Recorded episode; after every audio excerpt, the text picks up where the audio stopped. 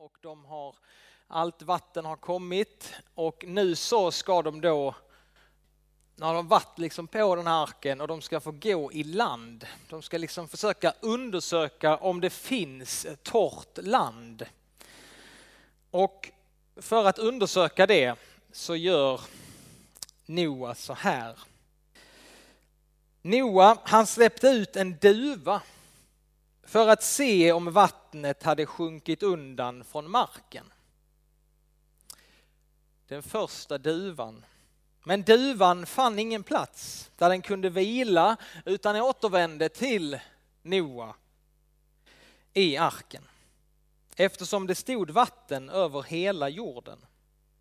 Och då sträckte Noa ut sin hand och tog in duvan till sig i arken. Och han väntade sju dagar till, sen släppte han ut duvan ur arken ännu en gång.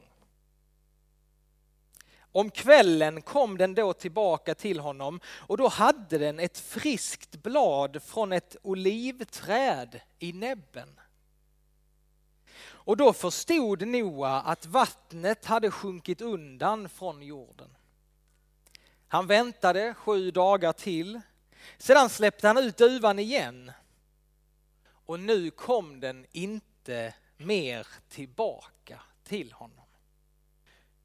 Bibeln är en helt fantastisk bok, tycker jag. Jag älskar hur den hänger ihop på ett så häftigt sätt. Jag älskar de stora linjerna som dras mellan gamla testamentet och nya testamentet. Hur allting bara byggs upp fram till liksom Jesus Kristus och pingstdagen då den helige ande sänds ut till alla människor. Då lagen inte skrivs på tavlor utav sten utan inristas i våra hjärtan. Då Guds ande inte längre bor i ett tempel utan i våra hjärtan. Och nu har vi fått läsa här om hur Noa sänder ut duvan från arken. Regnet hade slutat regna över jorden och vattnet började sjunka undan. Och den här berättelsen har lästs av kristna som en bild på hur Gud vid tre tillfällen sänder ut sin ande till världen. Alltså duvan, det är ju en bild över den helige ande. Och Noa sänder ut duvan tre gånger. Och det här har inte jag kommit på kan jag berätta. Så det här är från liksom, det är, jag tror det är väldigt tidiga kyrkofäder.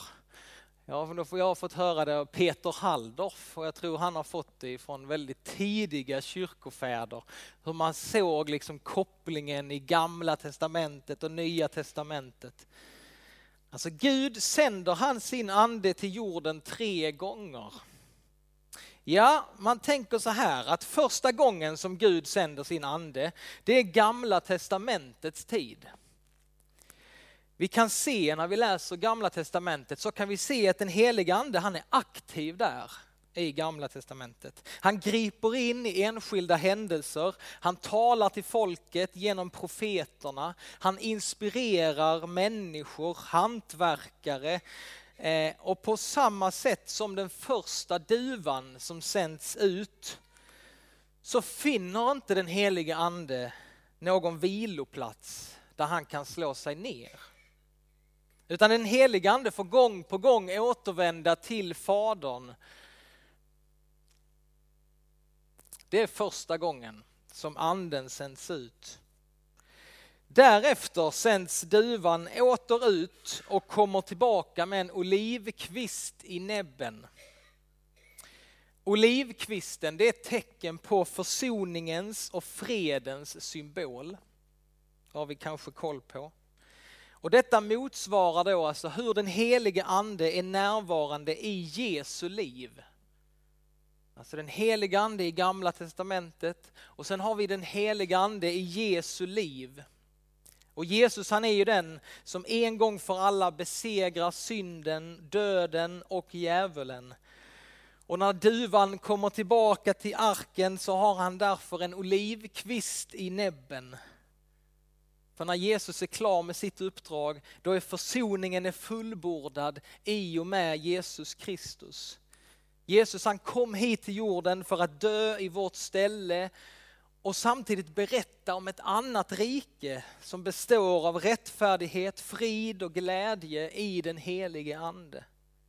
Kristen tro det är inte bara tomma ord utan det är kraft och det är glädje i den helige Ande.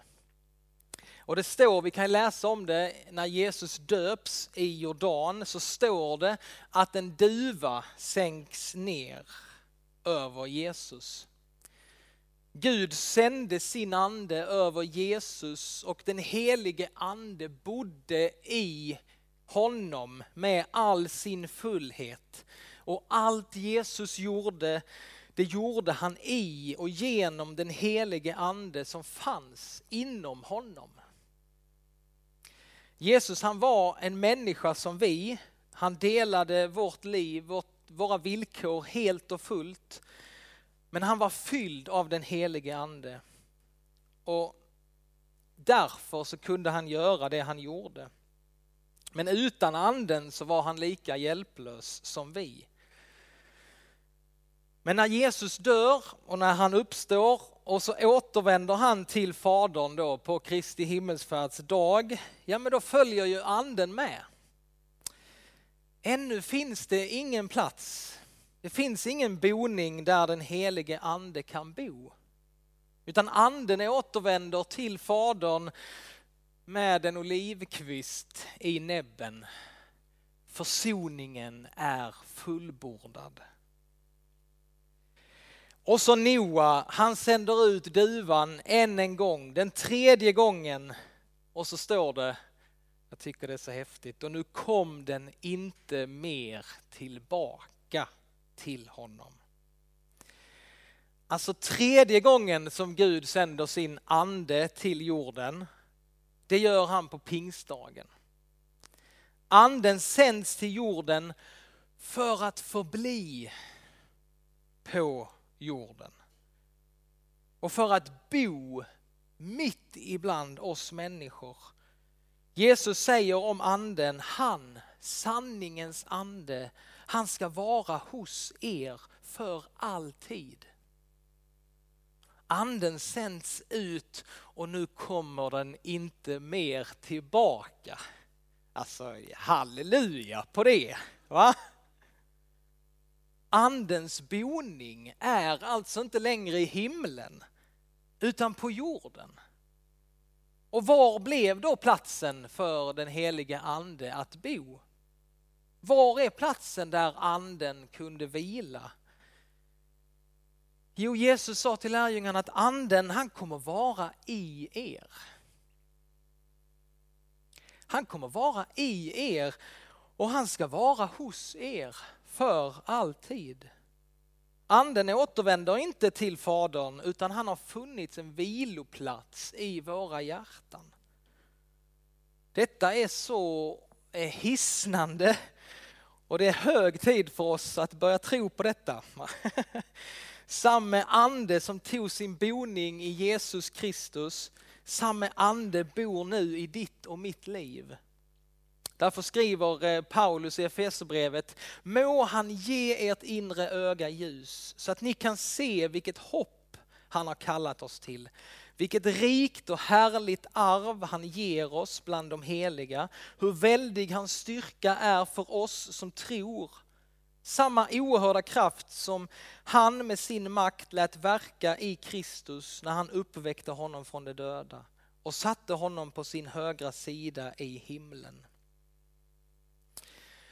Så från och med pingstdagen så har andens tid bara brutit in med full kraft i den här världen. Genom kyrkan och församlingen så verkar han än idag. Anden kommer till oss var och en på samma sätt som han gjorde över Jesu liv, på samma sätt som han gjorde över lärjungarna. Alltså just nu så lever vi i andens tid. Vissa av er kanske tänker att ah, man skulle varit med på Jesu tid. Alltså det hade varit enklare att tro då. Om man hade fått se de sakerna, om man hade fått vara med på Jesu tid. Men läser vi så det verkar faktiskt inte som att det var enklare att tro då. Jesus han säger däremot att vi ska till och med kunna utföra gärningar som han gjorde, ja ännu större. Vilket faktiskt har skett och vilket faktiskt sker idag. För idag så blir fler botade än på Jesu tid. Idag blir fler botade än under Jesu treåriga verksamhet. Alltså lyssna på det, idag så blir fler under sker idag än på Jesu tid. Idag sker fler mirakel världen över än på Jesu tid. Idag har evangeliet nått längre än på Jesu tid.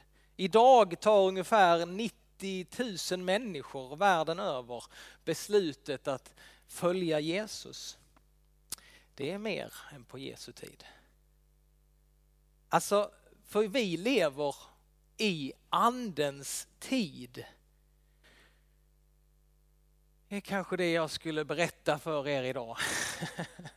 Att vi lever i andens tid. Därför ska vi vara så tacksamma för den här hjälparen som den uppståndne Jesus har sänt oss. Därför ska vi vara väldigt rädda för att bedröva honom som det står att vi kan göra. Vi kan bedröva den heliga ande, det vill jag inte göra. Vi ska se till så att vi inte utsläcker anden. Det står också i Thessalonikerbrevet att vi kan utsläcka anden. Det vill jag inte göra. Anden den är så viktig för oss. Den heliga ande är så oumbärlig. Den ger oss kraft, han uppmuntrar, han varnar, han leder, han talar, han viskar i mitt inre.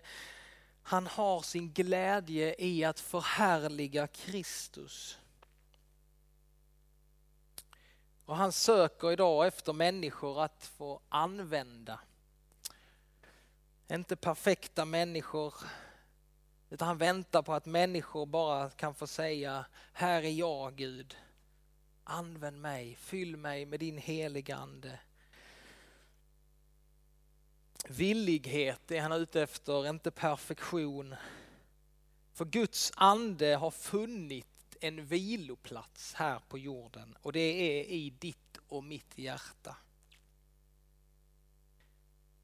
Tänk alltså, vi får leva i andens tid. Så vi ber dig nu, gode Fader, sänd på nytt din ande till oss. Herre, i tacksamhet så vill vi ta emot av det som du vill ge. Så kom Herre över vår församling, över varje församling i Helsingborg, Herre. Låt det få bli en ny, en pingstens tid, Herre. Sänd en ny pingst, Herre.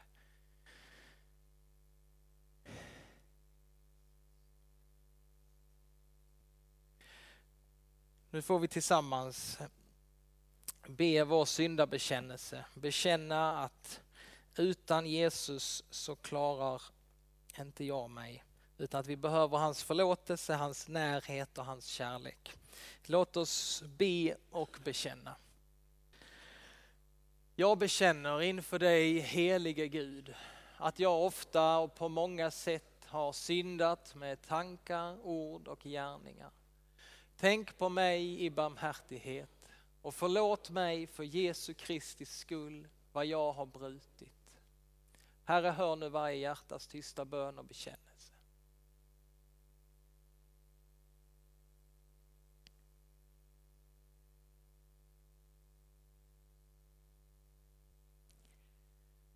Och till dig som ber om dina synders förlåtelse säger jag på Jesu Kristi uppdrag, dina synder är dig förlåtna. I Faderns och Sonens och i den helige Andes namn. Amen. Låt oss tacka och be. Gud vår Fader, tack för att vägen till dig alltid är öppen genom Jesus Kristus. Hjälp oss att leva i din förlåtelse. Stärk vår tro, öka vårt hopp och uppliva vår kärlek. Amen.